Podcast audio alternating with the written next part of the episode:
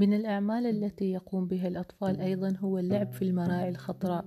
بين الزهور العطرة وغدير الماء